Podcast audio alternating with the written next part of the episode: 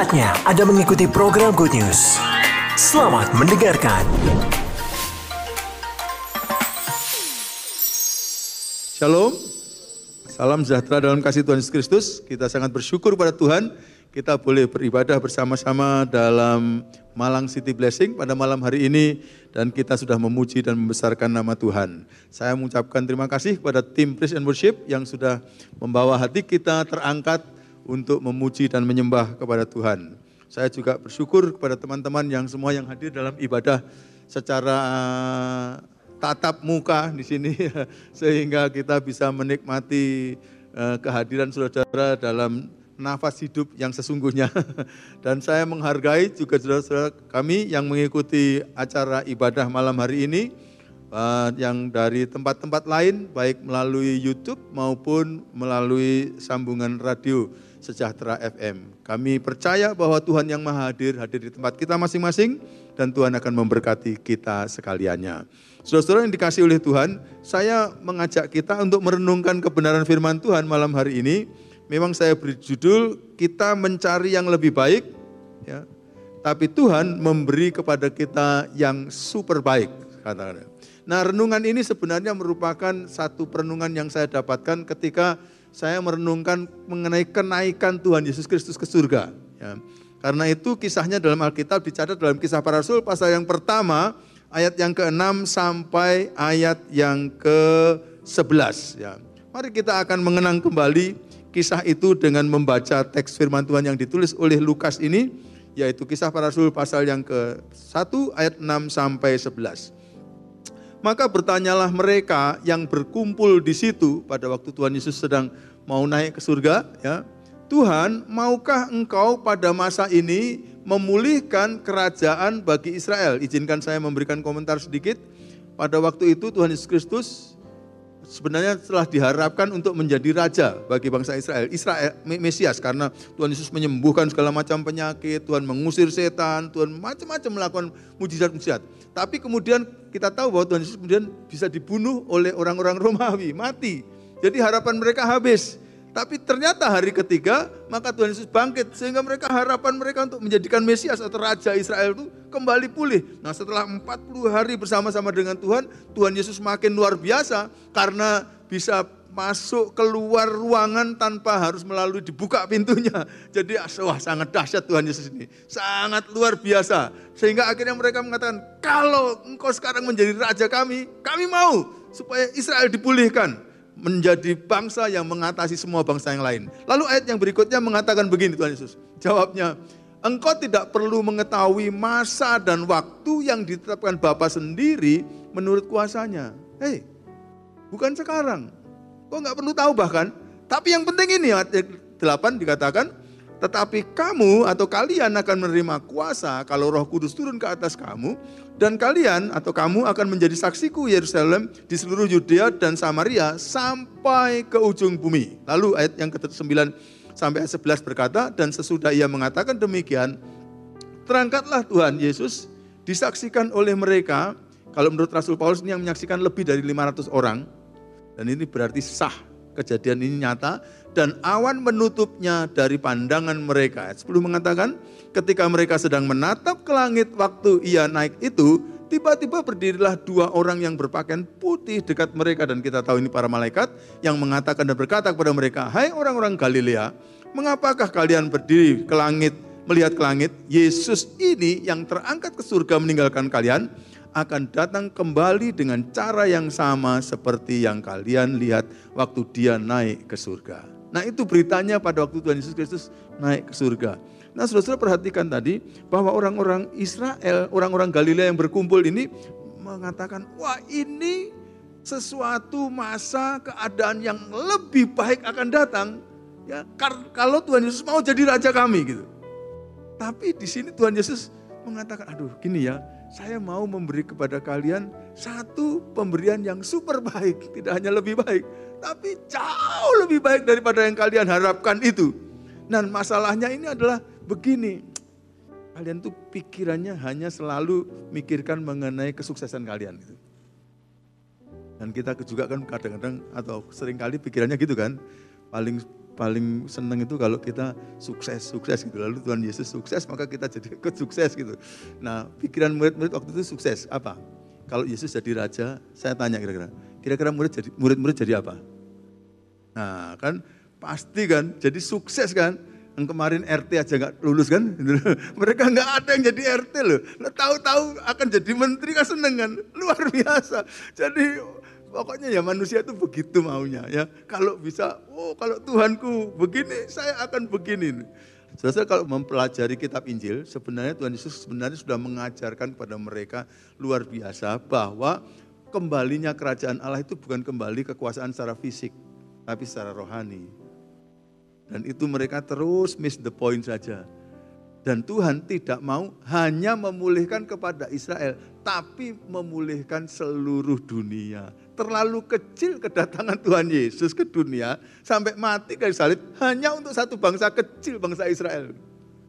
Tuhan mau menjadikan seluruh dunia. Nah masalahnya di seluruh dunia masih belum ada orang-orang yang percaya kepada Yesus untuk menjadi raja bagi hati mereka. Sehingga itu nggak akan jadi dan Tuhan tahu urut-urutannya bukan Tuhan langsung menjadi raja, maka semua seluruh dunia kemudian akhirnya bisa ditaklukkan, bukan begitu. Yang lebih dulu disiapkan adalah seluruh perangkatnya ini. Masyarakatnya dulu harus terima Yesus sebagai raja. Sehingga akhirnya tidak perlu ada peperangan. Lalu kemudian akhirnya Yesus menjadi raja. Itu yang sebenarnya mau terjadi. Sehingga kalau demikian berarti urut-urutannya begini urut-urutannya supaya orang-orang di dunia itu harus tahu bahwa Yesus itu raja, berarti harus diberitahu. Harus diberitahu. Tapi waktu mau memberitahu, murid-murid takut karena karena orang-orang Galilea ini kan orang-orang pinggiran saja. Para nelayan, tukang kayu, petani. Disuruh memberitakan Injil, nggak bisa. Karena itu sebelum itu harus ada yang sebelumnya, yaitu mereka diberi kuasa. Jadi urut-urutannya untuk mereka bisa menjadi menteri, memang akan jadi menteri. Tapi urutannya lebih dulu jadikan seluruh dunia itu siap dulu untuk jadikan kerajaannya Tuhan. Yaitu beritakanlah Injil kepada segala makhluk. Nah karena mereka takut memberitakan Injil, maka berarti kamu yang diperlukan adalah satu kuasa power, dinamis, dunamit, dinamit ada padamu. Sehingga akhirnya kamu nggak bisa menguasai, itu akan meledak meledak berdua sehingga kamu nggak akan takut sama sekali untuk memberitakan Injil sehingga akhirnya seluruh dunia kemudian mengaku Yesus adalah Tuhan dan waktu itu jadi maka kesudahan segala sesuatu sudah jadi dan kamu akan jadi menteri gitu loh urutannya. Tapi murid-murid selalu mau jalan cepat, jalan cepat, jalan cepat. Sehingga Tuhan Yesus katakan, gini aja deh, daripada kamu bingung melihat urut-urutannya, udah kamu diem, supaya kamu diperlengkapi dengan kuasa Allah yang maha tinggi. Sudah, dengan itu kamu akan jadi saksiku ke seluruh dunia. Padahal setelah itu Tuhan akan mengatakan, sesudah kamu menjadi saksiku seluruh dunia, dunia menerima aku menjadi rajanya, maka otomatis saya sudah jadi raja. Tidak perlu saya memaksakan diri jadi raja, karena dari dalam ada pengakuan Yesus Kristus adalah raja. Nah, gereja juga kadang-kadang suka keliru Sukanya Tuhan datang kedua kali secepatnya supaya saya bisa menikmati surga. Tapi Tuhan akan katakan, kerjakan dulu pekerjaannya. Yaitu beritakan Injil. Nah, jadi Tuhan mau memberi kepada kita yang bukan hanya sekedar lebih baik, tapi super baik. Apa artinya kalau Tuhan Yesus Kristus akhirnya menjadi raja, tapi rajanya cuma raja dari 120 orang.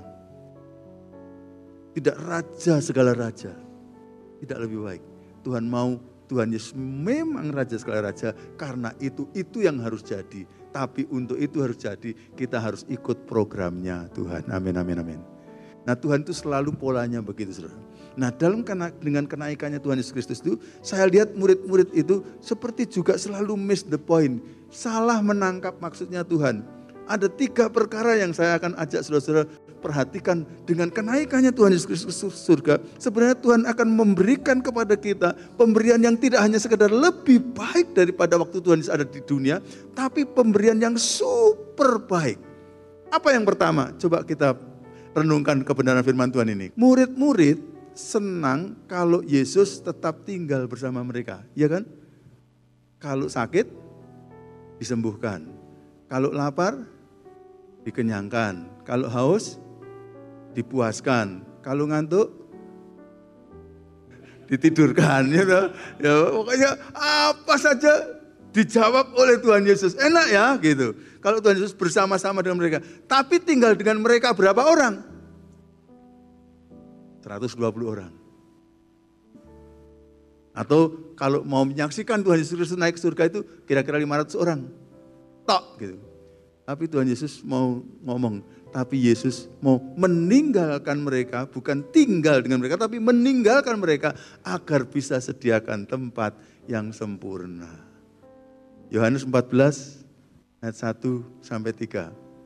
Janganlah kamu gelisah hatimu, percayalah kepada Allah, percayalah juga kepadaku.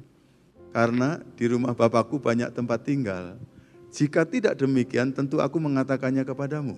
Sebab aku pergi ke situ untuk menyediakan tempat bagimu. Apabila aku telah pergi ke situ dan telah menyediakan tempat bagimu, aku akan datang kembali dan membawa kamu ke tempatku supaya di tempat di mana aku berada, kamu pun berada. Semua orang di dunia itu punya konsep. Surga sama dunia lebih enak mana? Surga sama dunia lebih enak mana? Nah itu dia. Mereka mau pilih kalau Yesus ada bersama mereka, ini keadaannya akan lebih baik. Tuhan Yesus mau memberikan yang super baik. Bukan di dunia ini, di surga yang lebih sempurna.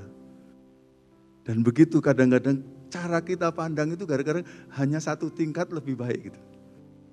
Coba oh kita bisa mikir seperti Tuhan. Kita selalu akan mengatakan Tuhan bisa lebih dari ini kah? Dan Tuhan akan menyediakan yang lebih dari itu. Menarik, daripada kita tinggal di sini yang penuh dengan keterbatasan dan dosa, maka Tuhan menyediakan surga di mana hadiratnya ada. Surga itu apa sih? Hadirat Tuhan selama-lamanya. Yang tidak bisa terpisah dari kita. Dan itu luar biasa enaknya. Firman Tuhan tadi mengatakan, jangan gelisah ya, jangan aku pergi ke sana untuk menyediakan tempat bagimu. Lalu dia mengatakan apa? Di rumah Bapakku ada saudara banyak tempat tinggal. Loh katanya sudah banyak tempat tinggal. Lah kok masih menyediakan tempat? Kurang pak kurang banyak. Enggak. Kalau enggak demikian, aku akan berikan kepada beritahukan padamu. Berarti surga itu kayaknya enggak cukup. Sehingga Tuhan Yesus perlu bangun. Nah, surga itu kalau boleh dibilang seperti tempat, tapi mestinya bukan tempat, tapi kehadiran itu cukup bagi semua orang. Kalau begitu apanya Pak yang disediakan oleh Tuhan Yesus Kristus? Saya ini sejak saya menjadi ketua atau rektornya Sati, mendapatkan rumah dinas yang rumahnya besar sekali.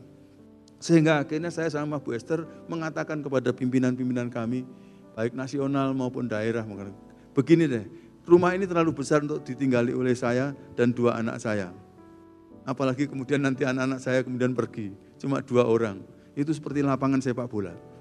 Jadi karena itu, maka mulai hari ini saya minta supaya kamar ini, kamar ini, kamar ini, kamar ini dipersiapkan untuk tamu-tamu gereja, tamu-tamu sekolah Alkitab, tamu-tamu luar negeri yang datang ke Indonesia. Silahkan dipakai.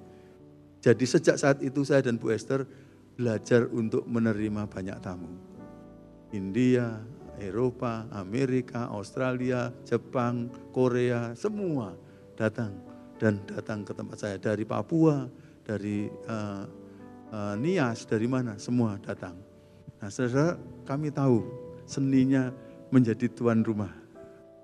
Tiap kali tamu akan datang, maka Bu Esther akan pasti sibuk. Ngapain? Memastikan kamarnya, nah AC ini nggak bocor. Terus semuanya bersih, baunya bagus. Ya, lalu kemudian setelah itu nanti spraynya diganti yang baru dan semuanya disiapkan. Kalau perlu dikasih bunga di situ, lalu kemudian ditulisi welcome. Gitu. Sehingga pada waktu tamu datang, tamu rasa, wow, saya disambut di tempat ini. Ketika saya menghayati tugas itu yang sebenarnya saya ciptakan sendiri sama Bu Esther ciptakan sendiri. Lalu akhirnya saya mengatakan, terima kasih Tuhan. Pada waktu nanti kami pulang, Engkau akan lakukan itu buat kami. Saudara dan saya datang, tidak seperti orang ecek-ecek. Bahkan kalau kita lihat cara Tuhan Yesus Kristus menyambut orang yang matinya seperti Stefanus, dan kalau mau saudara-saudara boleh, ya. Yaitu Tuhan katakan, Stefanus, mari welcome home. Kasih karpet, kalau boleh bilang gambarannya. Dan kamarnya sudah disiapkan baik-baiknya. Gambarannya seperti seorang pahlawan yang sedang disambut pulang. Tuhan Yesus sangat mengasihi kita, sangat menghargai kita kalau saja saudara dan saya setia sampai detik akhir, itu jauh lebih baik ada di sana. Bersama-sama dengan dia selama-lamanya. Saya sangat-sangat-sangat merindukan keadaan seperti itu. Di mana kita akan bersama-sama dengan dia selama-lamanya. Dan menariknya pada waktu saya pulang saya itu orang biasa aja loh. Kok saya membayangkan bahwa nanti semuanya disiapkan. Lalu kemudian di kamarnya ditulis welcome home Gadut. Di atas tempat tidurnya dikatakan welcome home pahlawan. Saya kasihan dengan orang yang gak setia sampai akhir. Saya kasihan dengan orang yang gak setia sampai akhir. Muka-muka kita setia sampai akhir. Kita pikir Tuhan Yesus di dunia itu bagus, memang bagus. Tapi jauh lebih bagus kita bersama-sama dengan dia di sana selama-lamanya.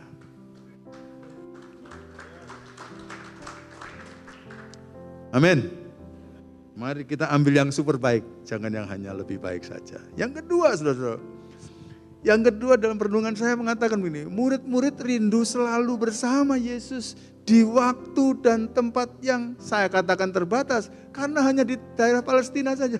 Tuhan Yesus Kristus waktu melayani di dunia ini nggak pernah lebih dari daerah Palestina.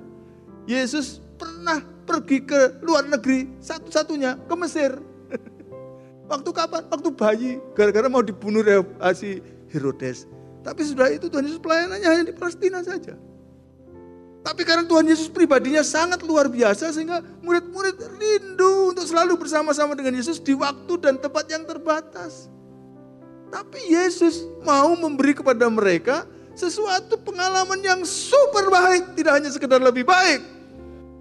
Lalu Tuhan mengatakan lebih berguna kalau Yesus lebih baik pergi karena agar Roh Kudus bisa selalu bukan sewaktu-waktu menyertai mereka di mana saja, bukan di tempat yang terbatas. Karena dia adalah dalam keadaan roh, maka dia maha hadir. Dan kapan saja dia selalu hadir. Bahkan sementara kita sekarang sedang mendengarkan firman Tuhan ini, saya sedang mewartakan firman Tuhan ini dan saya bermaksud dan berdoa tadi Tuhan tolong Roh Kudus. Saya tidak mau mewartakan sendiri, saya mau engkau membantu saya mewartakan firman ini. Dia ada di sini. Dia ada di situ. Dia ada di tempat saudara-saudara yang sekarang sedang beribadah dengan memakai radio atau memakai YouTube. Karena roh tidak terbatas oleh tempat. Dia hadir di mana-mana. Kita selalu hanya berpikir yang lebih baik. Tapi kalau Tuhan, pikirannya adalah selalu yang super baik bagi kita. Lebih berguna Yesus pergi agar roh kudus yang tak terbatas itu bisa selalu menyertai kita seperti janji Yesus. Kapan saja sampai kesudahan alam. Di mana saja. Kita lihat ayat-ayat ini. Yohanes 16 ayat 7 sampai ayat yang 11 mengatakan demikian. Namun benar yang kukatakan ini kepada kalian. Adalah lebih berguna bagi kalian jika aku pergi. Sebab jikalau aku tidak pergi, si penghibur itu tidak akan datang kepada kalian. Tetapi jikalau aku pergi, aku akan mengutus dia kepada kalian. Yang berikutnya. Dan kalau ia datang, ia akan menginsafkan dunia akan dosa, kebenaran, dan penghakiman. Saya kalau lagi ceramah, yang ikut 5 ribu orang ya hanya 5 ribu. Tapi kalau dia dunia. ya terus. Akan dosa karena mereka tetap tidak percaya kepadaku. Yang ke sepuluh Akan kebenaran karena aku pergi kepada Bapa dan kalian tidak melihat aku lagi. Yang ke sebelas akan penghakiman karena penguasa dunia ini telah dihukum. Dilanjutkan dengan pasal yang ke-14 ayat 16 sampai ayat yang ke-18. Tuhan Yesus mengatakan, "Aku akan minta kepada Bapa dan Ia akan memberikan kepada kalian apa Saudara? Seorang penolong yang lain. Seorang penolong yang lain supaya Ia menyertai kalian selama-lamanya. Terus, yaitu roh kebenaran. Dunia tidak dapat menerima dia sebab dunia tidak melihat dia dan tidak mengenal dia. Tetapi kalian, kalian mengenal dia sebab ia menyertai kalian dan akan diam di dalam kalian. Sehingga semua disertai oleh Tuhan Yesus melalui rohnya kapan saja, di mana saja dan ini berkat yang luar biasa. Saya ingin memberikan komentar sedikit kepada ayat yang ke-16 kalau boleh dikembalikan. Ada orang-orang yang mengatakan ini penolong yang lain ini. Ah, ini berarti seorang yang kapasitas Yesus, seorang nabi yang sekali ber Yesus ini gitu.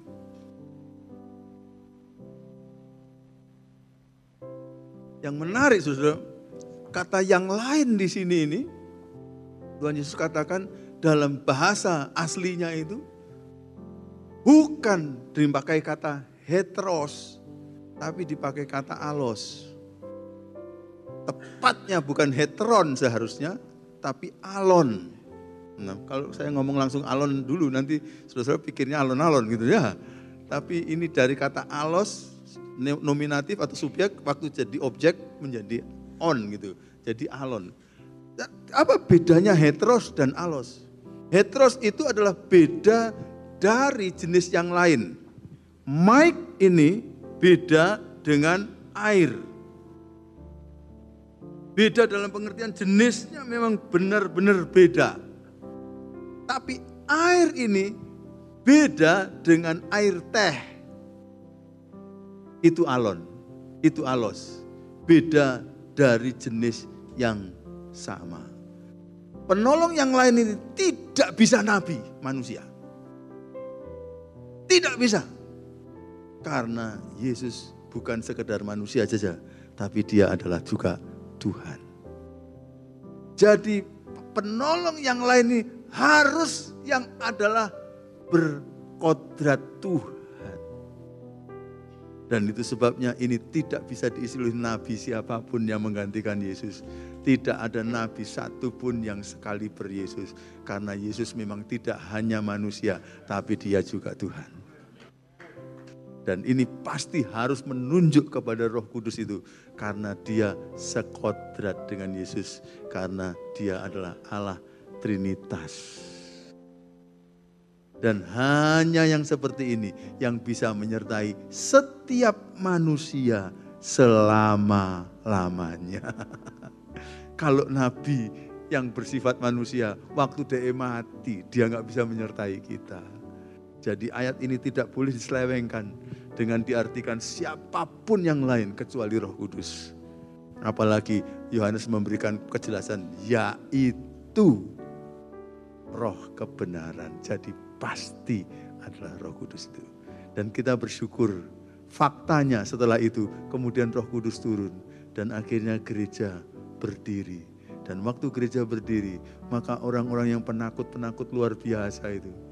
Seperti Petrus pada waktu didekati oleh anak perempuan, itu, itu menunjukkan orang lemah di kalangan orang Yahudi. Tapi dia sampai menyangkal Yesus gara-gara dredek luar biasa bisa-bisanya waktu dia dipenuhi dengan roh kudus. Dia berkhotbah dengan tanpa takut. Bahkan yang menentang adalah imam-imam kepala. Dia katakan mana mungkin aku harus lebih taat kepadamu daripada taat kepada Allah. Kalau roh kudus itu menyertai kita, itu super baik. Karena memberikan kepada kita hal-hal yang tidak sanggup kita miliki. Dan dia akan mengubah kita menjadi orang-orang yang luar biasa. Ketika kemarin beberapa waktu yang lalu saya pergi ke Italia, lalu pergi ke Vatikan, dan kemudian menyaksikan di di Vatikan itu ada dua patung besar sebelah kiri dan sebelah kanan di depannya tempatnya paus. Ada pelataran yang sangat luas. Ada juga ibadah atau misa tiap hari minggu di situ yang dihadiri ribuan orang dari seluruh dunia. Tapi di kanan dan kiri dari basilika itu ada dua patung. Saya tanya kepada Romo Winarto yang menampung saya di Collegio, di tempat kuliahnya S2 Romo-Romo Katolik. Saya tinggal di situ, lalu Romo Win mengatakan, itu Pak Gadot itu kan patungnya, yang satu patungnya Petrus, yang satu patungnya Rasul Paulus. Waktu saya lihat itu, terutama Petrus. Tahu-tahu pipi saya dibasahi oleh air mata saya.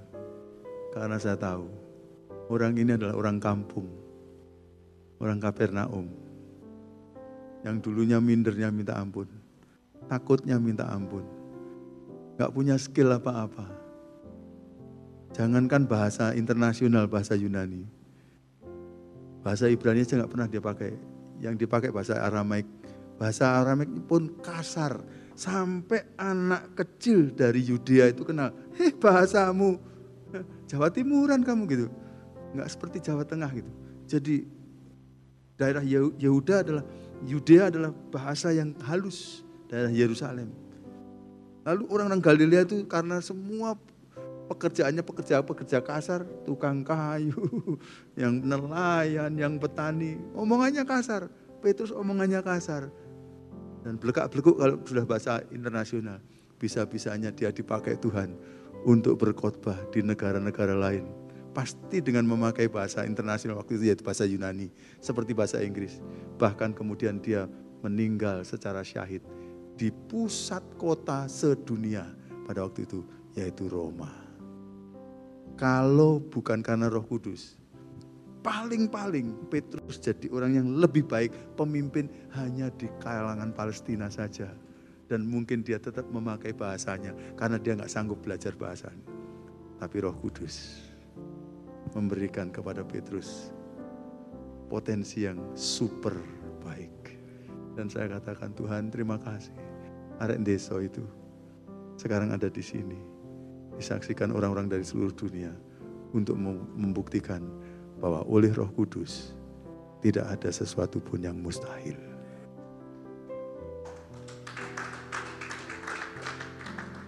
Nah saya meneteskan air mata karena saya sendiri wong deso.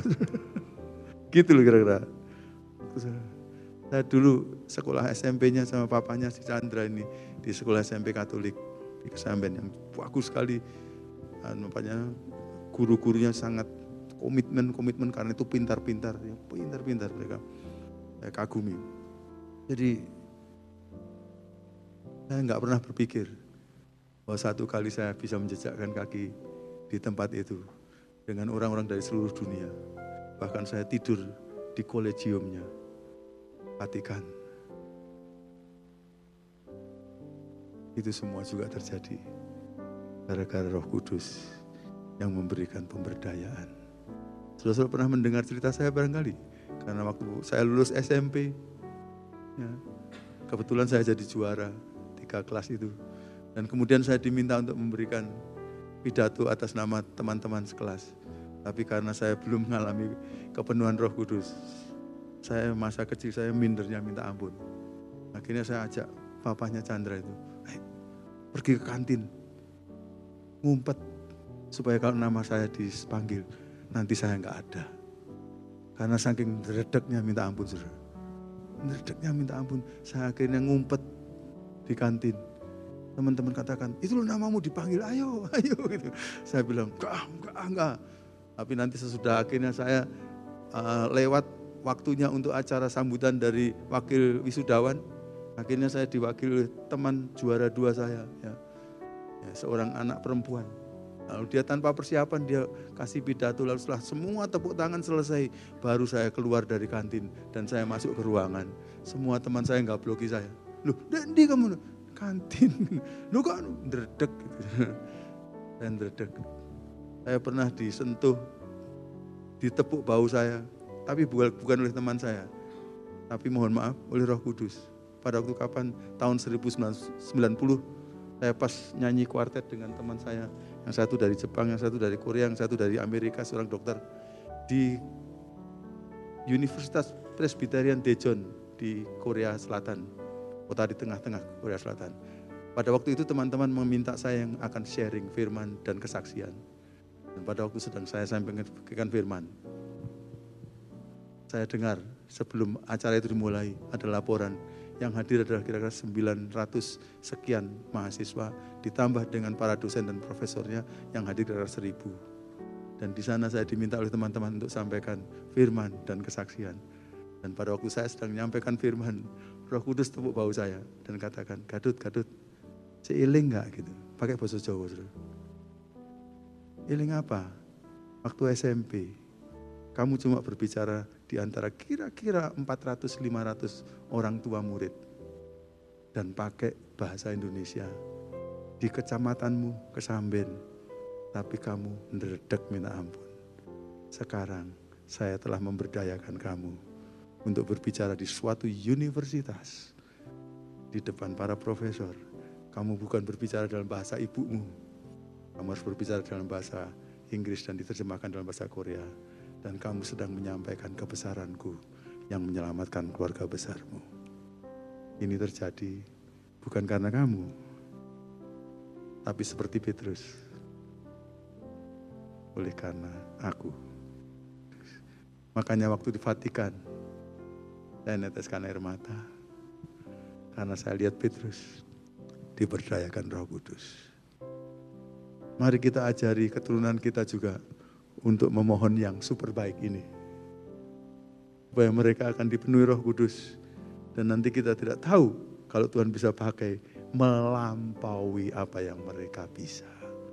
Nama Tuhan akan dipermuliakan. Ah, Tuhan Yesus.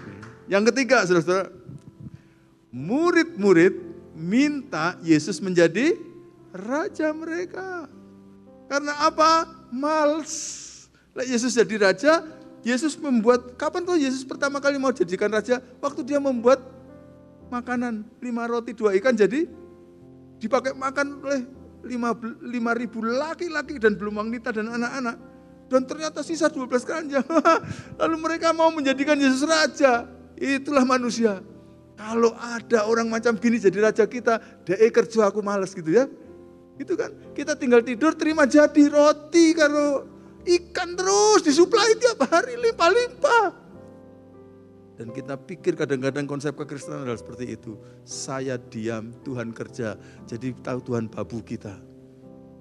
Lalu kita akan menjadi orang yang luar biasa sukses, luar biasa karena saya diam, Tuhan kerja. No, Tuhan kerja, saya kerja. Itu Alkitabiah. Tuhan kerja, saya kerja. Dan akhirnya itu akan membawa kemuliaan bagi Tuhan. Ketika kita bisa mencapai hal-hal yang di luar kemampuan kita secara pribadi. Nah Tuhan suka mau dijadikan raja oleh para murid-murid. Tapi Tuhan tahu yang kamu butuhkan sekarang bukan soal saya jadi raja. Soal saya jadi raja sekarang raja itu sudah gampang nanti akan otomatis jadi pada waktu semua orang mengaku aku menjadi Tuhan dan Juru Selamatnya. Masih ada pekerjaan yang harus kamu lakukan. Tetapi selama menunggu itu, roh kudus akan menyertai kamu. Dan saya di surga akan menjadi imam besar agung kamu. Apa sih tugasnya imam besar agung? Imam besar tugasnya adalah setahun sekali pergi ke bait Allah, imam besar di Yerusalem di kebait Allah, masuk ke ruang maha kudus untuk menaikkan doa syafaat dan pengampunan dosa bagi seluruh umat. Dan kalau dosa umat itu terlalu besar, maka dia nanti akan mati di ruang maha kudus itu. Itu sebabnya bajunya imam imam besar pada zaman kuno itu selalu ujungnya itu ada belnya. Kecil-kecil itu. Supaya kalau dia masih gerak berarti masih hidup. Kan ruang maha kudus nggak boleh dimasuki siapa-siapa. Sehingga kalau di ruang maha kudus masih terdengar kerincing, kerincing berarti imam besar masih hidup. Tapi nanti kalau kerincing banget, lalu itu nggak bunyi. Berarti imam besar mati gara-gara dosa umat terlalu banyak. Makanya sudah disiapkan tandu. Dia itu bergerak di atas tandu. Sehingga pada waktu terdengar kerincing, lalu nggak ada bunyi lagi. Berarti mati ini orang orang Madura ngomong gitu ya. Lalu akhirnya ditarik keluar, set, lalu dimakamkan. Imam besar, agung, setahun sekali masuk tempat yang maha kudus seperti itu. Untuk apa? Untuk menaikkan syafaat atas nama umat kepada Allah. Nah sekarang kita memiliki imam besar agung kita. Ibrani 4 ayat 14 sampai 16. Karena kita sekarang mempunyai imam besar agung yang telah melintasi semua langit. Tidak hanya tempat maha kudus, yaitu Yesus anak Allah. Baiklah kita teguh berpegang pada pengakuan iman kita. Klik. Sebab imam besar yang kita punya bukanlah imam besar yang tidak dapat turut merasakan kelemahan-kelemahan kita. Sebaliknya sama dengan kita, ia telah dicobai, hanya tidak berbuat dosa. Karena itu, Sebab itu, marilah kita dengan penuh keberanian menghampiri tahta kasih karunia, supaya kita menerima rahmat dan menemukan kasih karunia untuk mendapatkan pertolongan pada waktunya. Firman Allah kalau kita baca dalam kitab Ibrani, dari pasal 1 sampai pasal 13, kita akan mendapatkan kabar bahwa waktu Yesus naik ke surga, dia akan duduk di sebelah kanan Allah Bapa. Tanda bahwa segala kuasa ada pada tangannya. Dan ketika dia memiliki segala kuasa, ternyata kuasa itu tidak dipakainya untuk menghancurkan kita, tapi dipakainya untuk membela kita sebagai imam besar agung. Pandangannya kira-kira apa? Pemandangannya adalah tiap hari, tiap jam, tiap detik. Tuhan Yesus Kristus selalu berdoa kepada Bapak. Bapak, Bapak, Bapak, itu lihat, lihat, lihat, lihat. Itu. Anakmu, Pak Franky itu. Nah, eh, itu tuh, Bapak, Bapak, coba lihat anakmu, Mas Kris itu. Gitu. Bapak, Bapak, lihat anakmu. ya. Terus disebut Agus itu. Ya, Bapak-bapak didoakan oleh dia tiap hari karena dia imam besar agung kita. Sementara kita ada di sini, kalaupun ada keperluan doa, saudara dan saya, bukan hanya saudara dan saya yang sedang berdoa. Tuhan Yesus juga sedang mendoakan kita kepada Bapa di surga. Powerful saudara kalau Yesus kita tahan di bumi jadi raja, dia tidak bisa menjalankan fungsi imam besar agung. Tapi karena kita biarkan dia di surga, maka dia bisa menjadi imam besar agung kita yang pagi, siang, sore, malam mendoakan kita. Nyanyian tua itu kadang-kadang sederhana tapi bagus. Ada nyanyian tua yang mengatakan, dia hiduplah, dia hiduplah, duduk di sebelah kanan Allah Bapa. Dia dia hiduplah. Lalu apa? Sembayang buat anak-anaknya. Tuhan Yesus nggak mau nganggur. Makanya teologi pengangguran itu saya nggak setuju. Orang percaya itu bukan harus nganggur, harus kerja. Karena Tuhan Allah kita nggak pernah berhenti bekerja. Jadi kalau kita menjadi seperti Allah kan mestinya kita kerja gitu saudara. Mestinya kita kerja. Bahwa pekerjaan yang kita tidak sanggup dikerjakan, Tuhan yang mengerjakan. Tapi yang sanggup kita kerjakan, ya kerjakan. Kita juga minta Tuhan selamatkan orang-orang itu. Ya, Tuhan katakan beritakan Injil. Lalu kita nggak memberitakan Injil. Suruh Tuhan selamatkan terus. Kita suruh-suruh Tuhan terus saja. Tolong saudara, kita ambil bagian kita karena Tuhan terus bekerja. Tuhan Yesus sampai di surga sudah selesai pekerjaan penebusan. Tapi ada pekerjaan yang pasti dikerjakannya, yaitu mendoakan terus bagi kita. Sembahyang buat anak-anaknya. Saya harap mulai malam hari ini, kalau kita punya keperluan, jangan merasa sudah akan berjuang sendiri. Sebab Tuhan Yesus dari surga, dengan pemandangan yang jelas pada kita, dia juga berdoa untuk kita. Berkiranya Tuhan akan tolong kita, sehingga kita akan dibesarkan hati kita. Kita tidak sendirian. Ada roh kudus, ada Tuhan Yesus.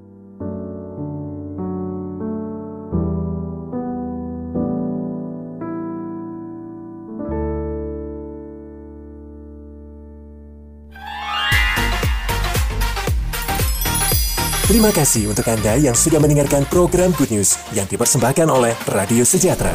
Untuk Anda yang rindu mendapatkan layanan konseling dan dukungan doa, silakan menghubungi hotline 0812 33 33 6392. Para konselor dan para pendoa Diaspora Sejahtera Caring Ministry siap untuk melayani Anda. Tuhan Yesus memberkati.